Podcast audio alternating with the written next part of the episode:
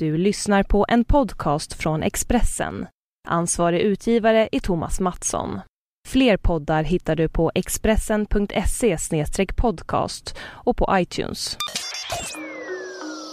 Det här är Expressen Dokument om att våra svenska pass är de mest gångbara i världen av Henrik Ek, som jag, Johan Bengtsson, läser upp. Svenska pass är giltiga i flest länder i världen. 173 av världens 219 länder släpper in svenska medborgare utan krav på visum. Men så är vi också ett resande folk. Det hänger med sedan vikingatiden menar vissa. Förra året spenderade svenskarna nära 136 miljarder kronor på sina utlandsresor, uppger Resurs. Underlättnad av visering är alltid välkommet, men det är inte en fråga för oss. Det är varje suverän stat som bestämmer vilka man vill stoppa och inte vid gränsen, säger Patrik Nilsson från Utrikesdepartementets konsulära avdelning. Så varför är vi mer välkomna än andra?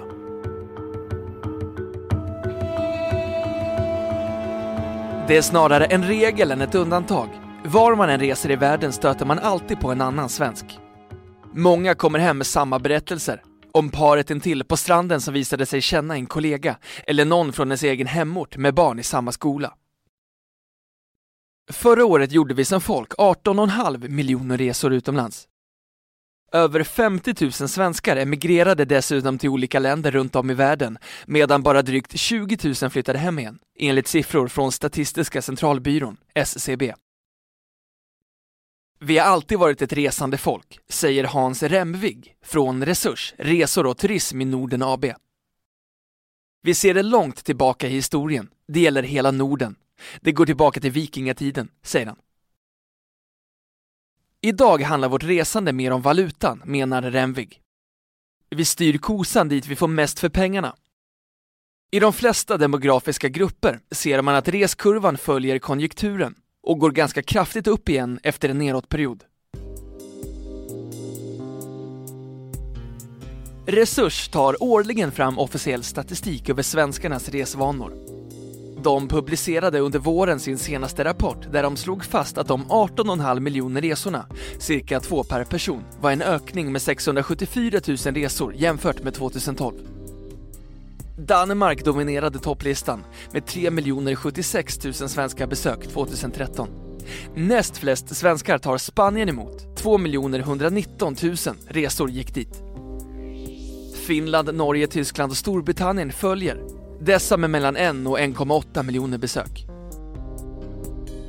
Den enda utomeuropeiska nation som tog sig in på topplistan 2013 var USA med 647 000 resor, lika många som året innan.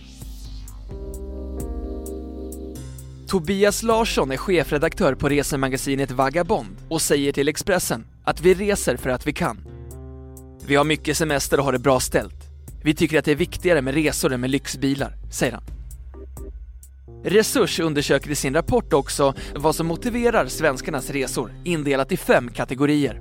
Komma bort, sol och bad, lugn och ro, nöjen samt resor till släkt och vänner. Av de 18,5 miljoner resorna förra året handlade drygt 5 miljoner om att komma bort. 3,7 miljoner motiverades av sol och bad. I en undersökning som resebyrån Ticket låtit göra framkommer att sevärdheterna svensken är ute efter är de mest klassiska, som Colosseum i Rom eller Eiffeltornet i Paris. Resetjänsten Trivago å sin sida har konstaterat att vi dock skiljer oss i hur vi väljer vårt boende. De främsta kriterierna är att det finns wifi och pool. På tredje plats kommer nära till stranden, vilket är toppar i prioriteringen för länder i Sydeuropa.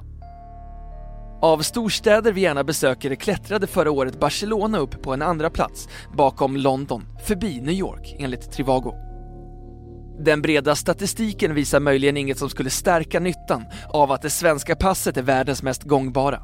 88% av resorna går till Europa, där pass ofta inte ens behövs.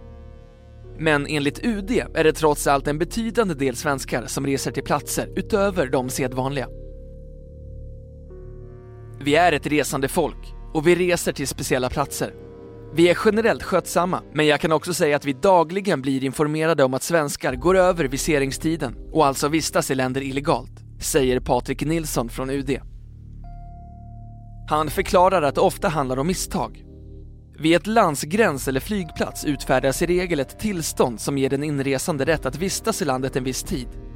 Svensken tänker inte alltid på hur lång tid det är och när han eller hon ska lämna landet uppstår problem. Vanligen när man stannar för länge får man en bot. Kan man inte betala den så blir det tal om att sitta av en viss tid i lokalt fängelse. Det är då vi får reda på det, säger Nilsson. Han säger vidare att departementets erfarenhet är att vissa svenskar är mer riskbenägna under sina semestrar, men att de med enkla medel skulle kunna undvika problem i landet de besöker. Vi kan se att folk råkar illa ut och skadar sig, och vissa tänker inte på att de besöker länder där gärningar som inte ens är brottsliga i Sverige kan ge fängelse, säger han. Varför just svenska pass är så gångbara har Nilsson ingen teori om. Men det har däremot Hans Remvig. Vi är ett fredligt folk. Vi har hög social standard och beter oss inte illa när vi är ute och reser. Jag skulle kunna tänka mig att Olof Palme kan ha spelat en ganska stor roll till hur omvärlden ser på oss också. På hans tid var vi väldigt engagerade utåt och tog alltid de svagas parti, säger han. Tobias Larsson från Vagabond är inne på samma linje med ett tillägg. Historiskt sett har vi alltid haft mycket utvandrare. Det kan också spela in, säger han. En titt i statistiken för utvandring ger insyn i hur många svenskar som sprids över världen varje år. Gott om svenska företag har växt sig globala och bara de senaste 30 åren har kvoten årliga emigranter ökat från 23 000 till över 50 000. Antalet som vänder hem igen har bara ökat marginellt sedan år 2000, från 16 000 till 20 000 årligen, enligt SCB. Det finns fortfarande orörda platser vi kan upptäcka.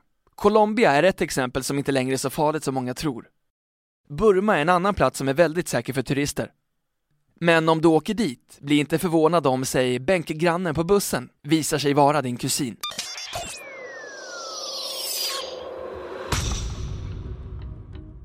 Du har lyssnat på en podcast från Expressen. Ansvarig utgivare är Thomas Mattsson. Fler poddar finns på Expressen.se och på iTunes.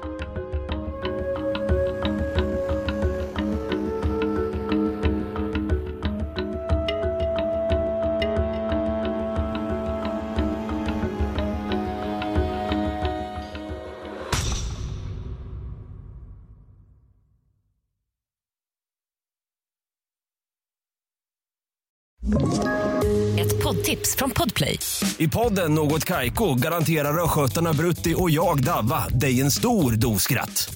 Där följer jag pladask för köttätandet igen. Man är lite som en jävla vampyr. Man har fått lite blodsmak och då måste man ha mer. Udda spaningar, fängslande anekdoter och en och annan arg rant. Jag måste ha mitt kaffe på morgonen för annars är jag ingen trevlig människa. Då är du ingen trevlig människa, punkt. Något Kaiko, hör du på Podplay. Därför arkadeinerna.